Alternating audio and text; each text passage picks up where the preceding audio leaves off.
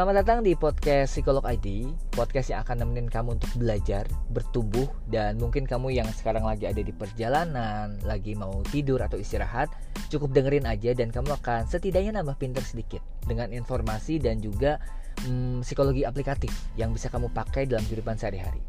Masih bersama dengan saya Daud Antonius dan pada episode kali ini temanya agak sedikit mungkin seru ya, menantang gitu ya. Jadi saya mau bahas tentang tips atau trik gimana caranya berbohong yang baik dan benar. Yuk tungguin atau dengerin di episode kali ini.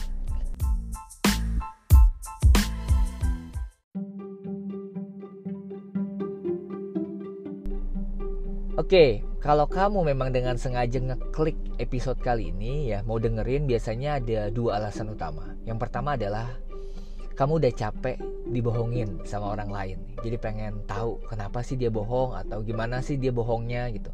Atau alasan kedua, yaitu kamu lagi punya nih informasi yang pengen kamu sembunyiin ya sama orang terdekat mungkin atau sama orang lain gitu dan pengen tahu cara nyembunyiinnya yang bagus gimana ya gitu. Jadi antara satu dua itu. Atau yang terakhir, ada juga orang-orang yang mungkin cuma penasaran cuman pengen tahu aja lah gitu. Satu hal yang perlu saya tekankan adalah bahwa bohong berdusta, menipu atau apa pun lah, tapi kita uh, jadiin satu bohong itu bukan satu hal yang sebenarnya harus diajarkan. Karena itu adalah bagian dari perkembangan kita sebagai manusia. Jadi itu bagian dari perkembangan kognitif, ya, pola pikir kita. Ini bukan kata saya. Jadi ini kutipan dari seorang profesor perilaku di Toronto University namanya Kang Lee. Nah, beliau itu meneliti tentang anak kecil yang ternyata mulai berbohong itu di usia 2 tahun. Dan ternyata kemampuan berbohong ini juga sejalan dengan kemampuan mereka berpikir, kemampuan mereka menalar, kemampuan mereka berimajinasi. Jadi itu sudah jadi satu bagian. Bukan kebohongan yang menyakitkan, bukan kebohongan yang melukai, bukan kebohongan-kebohongan yang memang dengan sengaja dilakukan untuk mencelakakan, mencelakakan orang. Tapi kebohongan-kebohongan kecil yang mungkin sifatnya melindungi diri gitu. Atau karena ingin dapat lebih misalnya pengen dapat permen lebih anak-anak atau pengen dapat waktu nonton yang lebih banyak akhirnya mereka mulai berimajinasi dan juga memperkatakan imajinasi mereka. Nah masih menurut Kang Lee sebenarnya ada dua komposisi ya. Dua elemen kebohongan yang baik itu bisa tercipta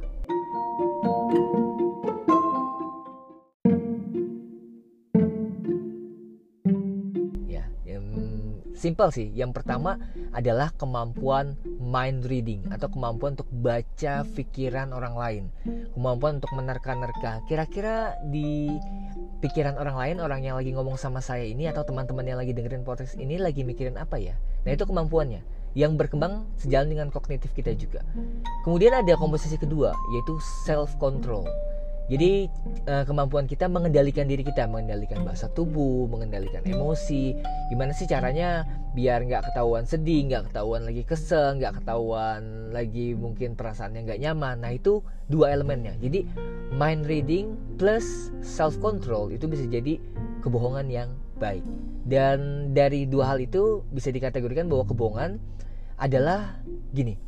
Saya tahu bahwa kamu tuh nggak tahu apa yang saya tahu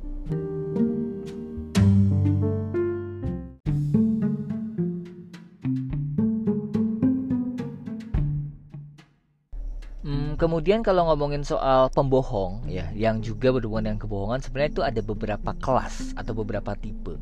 Nah, kamu bisa cek ke diri kamu sendiri, kamu tuh masuk yang mana. Misalnya satu ya, yang pertama itu ada pembohong yang pemula atau istilahnya namanya careless liar. Jadi orang yang nggak biasa berbohong dan kalau ngelakuin kebohongan itu kalau misalnya terdesak aja, terancam. Sifatnya itu untuk melindungi diri sendiri atau melindungi orang terdekat. Nah biasanya ini bohongnya itu kalau mau ini ya mau nggak ketebak tuh direncanakan dengan baik dan rasa bersalahnya tuh besar. Kalau misalnya bohong dan ketahuan dan memunculkan bisa bilang bisa dibilang ya emosi-emosi yang nggak bisa ditutupi begitu saja. Itu yang tingkatan pertama lah level awal. Semoga teman-teman ada di level awal sih, jangan di level yang berikutnya karena takutnya jadinya kebohongannya mendarah daging ya, merugikan diri sendiri dan juga merugikan orang lain. Yang kedua ada pembohong berkali-kali yang juga pernah dibahas yaitu compulsive liar atau seorang pembohong yang biasanya melakukan kebohongan itu untuk mendapat perhatian, dapat pengakuan, ingin dianggap penting mungkin, ingin dianggap spesial. Tindakannya adalah dengan melebih-lebihkan sebuah informasi atau berpura-pura jadi korban sesuatu ya. Dan ada cirinya yaitu biasanya nggak konsisten kalau misalnya ngomongin satu pernyataan karena biasanya kebohongannya mengalir gitu aja kalau compulsive liar jadi sudah kebohongan yang terbiasa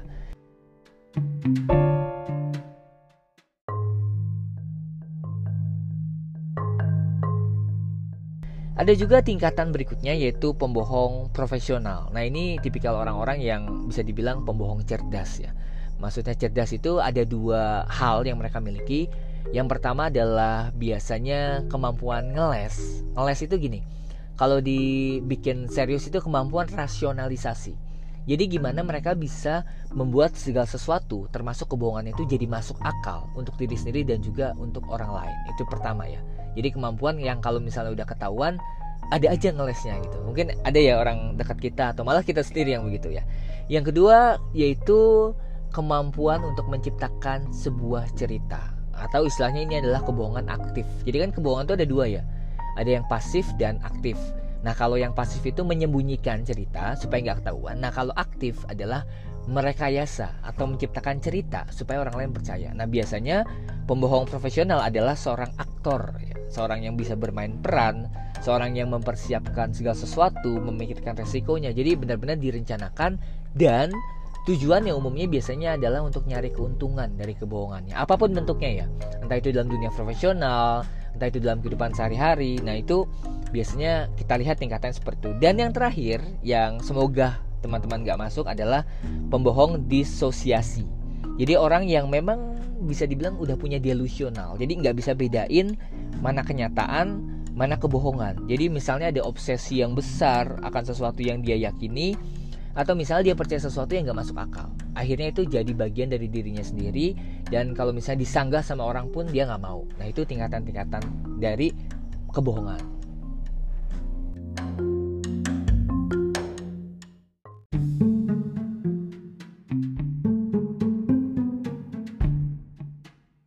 Lanjut nih, kita ke hal yang ditunggu-tunggu yaitu gimana teknik berbohong yang baik dan benar. Jadi sebenarnya ini teknik untuk wawancara psikologis ya. Jadi saya ambil ini dari riset atau studi tentang memori dan kognitif manusia yang dilakukan sama dua ahli.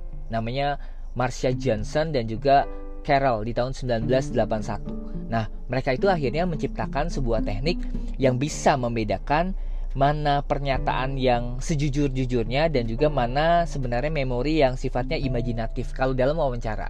Tapi ternyata setelah saya pelajari, teknik ini bisa berubah, yaitu bisa kita kondisikan kalau misalnya kita ingin merekayasa sesuatu supaya nggak ketahuan gitu gimana. Hmm, sebisa mungkin sih jangan dipakai ya. Tapi karena terlanjur mau di sharingin ya udah saya coba sharing. Jadi ada empat elemen atau empat komponen dalam teknik ini. Dalam teknik reality monitoring namanya yang pertama adalah sebuah informasi atau sebuah kejadian itu setidaknya harus memiliki durasi dan waktu kejadian. Maksudnya gini, kalau teman-teman mau bohong, teman-teman tuh harus tahu berapa lama kejadiannya, jam berapa sampai jam berapa dan kondisinya seperti apa. Jadi waktu ya, waktu dan durasi itu harus jelas ya. Jangan dikira-kira tapi ditetapkan yang kedua adalah kalau tadi informasi durasi, yang kedua adalah informasi sensori. Nah, ini adalah tentang penginderaan kita. Jadi kalau misalnya kita benar-benar ada di satu kejadian yang nyata, biasanya indera kita akan aktif, yaitu apa yang kita lihat, apa yang mungkin kita dengar saat itu, apa yang mungkin kita bersentuhan, bersinggungan dengan hal tersebut, baunya seperti apa, rasanya seperti apa. Jadi kalau mau buat satu informasi, aktifkan lima indera ini. Hmm, yang saya lihat apa ya? Yang saya dengar apa? Kemudian yang saya hirup mungkin aromanya apa? Yang saya ingat.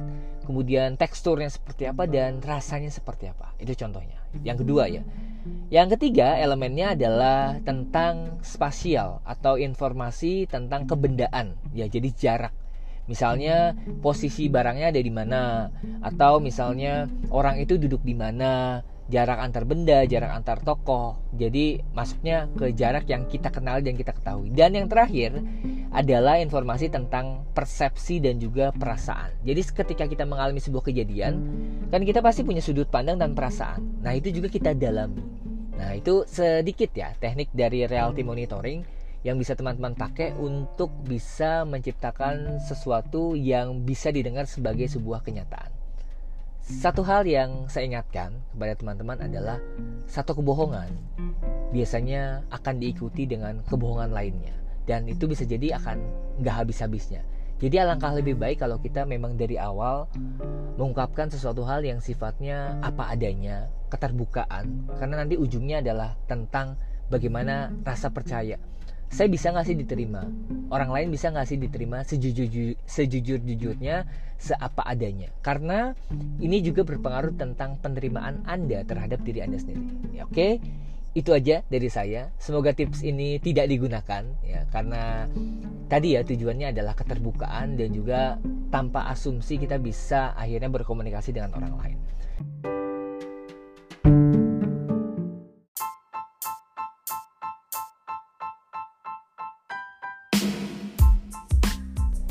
Oke, terima kasih sudah mendengarkan podcast episode kali ini dan jangan lupa juga bahwa setiap dua minggu sekali atau satu bulan dua kali kita akan ada sesi zoom gratis ya dengan tema beragam dan juga ada eh, sesi grup terapi gratis ya teman-teman bisa cek di Instagram di @psikologid. Kami juga terima kritik, saran ataupun misalnya ada request tema boleh silakan. Dan sebagai tambahan kita juga ada kelas bukan kelas ya ada sesi konseling dan juga terapi ya untuk teman-teman yang mungkin membutuhkan atau mungkin orang terdekat Anda yang kira-kira butuh konseling atau terapi secara online boleh juga lihat di sorotan @psikologadi. Terima kasih untuk semuanya. Saya undur diri dulu dan sampai ketemu lagi di episode berikut.